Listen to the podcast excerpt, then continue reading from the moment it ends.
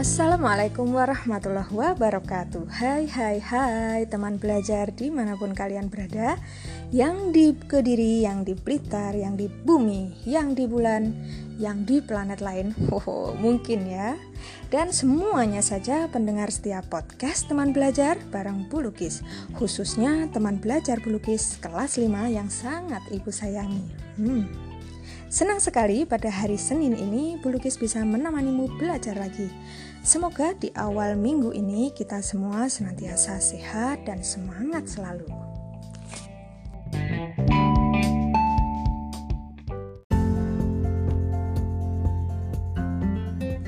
Eh, teman belajar semuanya, Apakah hari ini kalian sudah membantu ibumu menyapu atau membantu ibu mencuci baju kotormu sendiri? Ayo, dijawab jujur loh. Kalau bohong, hidungnya bisa tambah pesek. Tapi Bu Lukis percaya kok, teman belajar semuanya adalah anak-anak hebat yang selalu membantu orang tuanya. Kalau hari ini teman belajar sudah membantu ibu, membantu pekerjaan orang tuamu di rumah, artinya teman belajar semuanya sudah melaksanakan tanggung jawab dalam kehidupan sehari-hari. Wow. Tanggung jawab dalam kehidupan sehari-hari ini ada pada materi tema 2, subtema 3, pembelajaran 6. Wah, tidak terasa ya, kita sudah sampai pada pembelajaran 6. Tanggung jawab itu merupakan perwujudan kesadaran dalam melaksanakan kewajiban. Pelaksanaan tanggung jawab ini bisa dilaksanakan di berbagai tempat teman belajar, seperti di lingkungan rumah, di lingkungan sekolah, juga di lingkungan masyarakat. Jadi, kalau teman belajar tadi sudah membantu ibu menyapu, mencuci piring setelah makan, bahkan mencuci baju kotormu sendiri, serta mematuhi dan melaksanakan aturan yang berlaku di rumahmu, itu artinya kalian sudah melaksanakan tanggung jawabmu di rumah. Nah, tadi Bu Lukis bilang melaksanakan aturan yang berlaku di rumahmu. Hmm, aturan seperti apa ya? Aturan ini maksudnya ya aturan yang kalian sepakati bersama oleh semua anggota keluarga keluargamu. Misalnya, ada aturan di rumahmu yaitu berpamitan bila keluar rumah, kemudian tidak boleh keluar rumah setelah maghrib. Nah, dan sebagainya aturan-aturan yang sudah dibuat oleh semua anggota keluarga dan disepakati oleh anggota keluarga. Nah, itu aturan. Bila kalian sudah melaksanakannya juga, itu berarti kalian hebat sudah melaksanakan tanggung jawabmu di rumah. Nah, sekarang apakah melaksanakan tanggung jawab itu hanya di rumah saja? Woho, tentu tidak, Ferguson. Melaksanakan tanggung jawab selain di rumah bisa juga di sekolah dan juga di masyarakat. Nah, sekarang kalau di sekolah, Bentuk tanggung jawabnya seperti apa?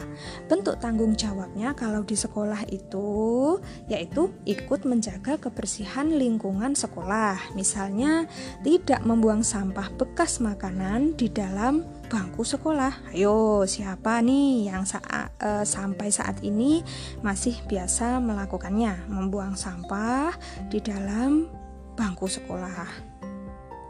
Kemudian contohnya menyapu kelas juga ya. Jadi sebelum pembelajaran dimulai itu supaya kelasnya lebih nyaman ketika digunakan untuk belajar, kalian bisa membersihkan kelas dulu. Kemudian bentuk tanggung jawab berikutnya di sekolahan itu yaitu melaksanakan semua peraturan di sekolah dengan baik. Misalnya mengerjakan tugas tepat waktu, kemudian disiplin ketika mengumpulkan atau menyerahkan tugasnya. Dan masih banyak ya peraturan yang ada di sekolahan yang harus kalian taati. Nah, sekarang kalau tanggung jawab di masyarakat, bentuknya seperti apa?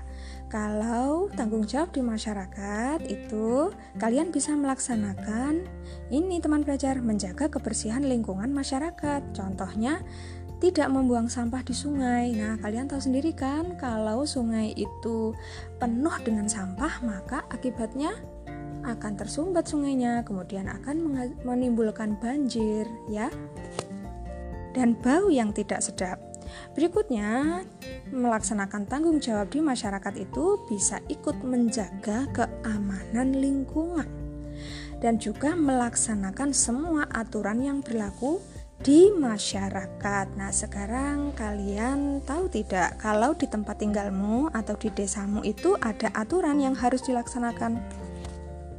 Coba besok kalian amati ya ketika kalian berjalan-jalan di sekitar tempat tinggalmu itu ada aturan yang terpasang tidak di sekitar tempat tinggalmu. Kalau ada itu berarti aturan yang dibuat oleh tempat tinggalmu oleh masyarakat atau oleh desa yang harus dipatuhi oleh semua anggota masyarakat di tempat tinggalmu.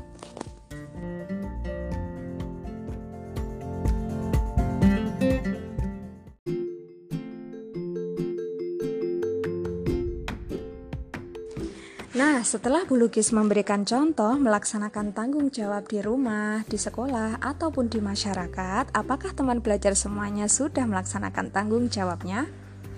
Nah, contoh saja kemarin pada waktu Bu Lukis e, memberikan materi tentang cerita bergambar. Masih ingat bukan? Ingat dong, pada waktu Bu Lukis memberikan materi tentang cerita bergambar, itu uh, ibu memberikan tugas untuk membuat cerita bergambar. Nah, membuat cerita bergambar itu supaya lebih menarik, maka harus diwarnai. Ya kan? Kalau diwarnai, cerita bergambarnya pasti lebih indah, lebih menarik. Ya kan? Nah, supaya lebih menarik, maka uh, mewarnainya itu ada dua teknik. Jadi teknik pewarnaannya itu ada dua cara ya Dengan teknik kering dan juga teknik basah untuk teknik kering, teman belajar bisa menggunakan krayon dan pensil warna. Pada teknik kering ini tidak memerlukan pengencer. Gambar bisa langsung dibuat di kertas dengan membuat sketsa terlebih dahulu. Sedangkan untuk teknik basahnya, teman belajar bisa menggunakan cat air atau cat minyak. Bila teman belajar menggunakan teknik basah ini, artinya teman belajar butuh pengencer seperti air atau minyak. Kemudian gambarnya pun juga dibuat pada kertas yang tebal atau kanvas. Jadi, kalau teman belajar lebih suka menggunakan teknik kering atau teknik basah. Semuanya kalau dikerjakan atau diwarnai dengan eh, baik, pasti hasilnya akan menarik ya, teman belajar.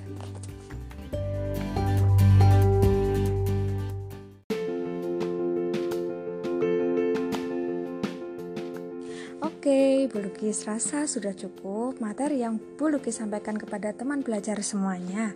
Semoga teman belajar semuanya, khususnya kelas 5, murid-murid Bu Lukis yang Bu Lukis sayangi, bisa memahami apa yang Bu Lukis sampaikan pada kali ini. Semoga dengan apa yang Bu Lukis sampaikan kali ini bisa meningkatkan rasa tanggung jawabmu ya, baik di rumah, di sekolah, maupun di masyarakat. Dan juga dengan yang perlu sampaikan tadi, kalian bisa lebih menguasai tentang teknik pewarnaan, baik itu teknik pewarnaan kering ataupun teknik pewarnaan basah. Oke, teman belajar semuanya, semoga kalian semuanya dan uh, Bulukis tentunya diberi kesehatan sehingga kita bisa bertemu di episode-episode podcast teman belajar berikutnya. Sampai jumpa di episode podcast teman belajar berikutnya.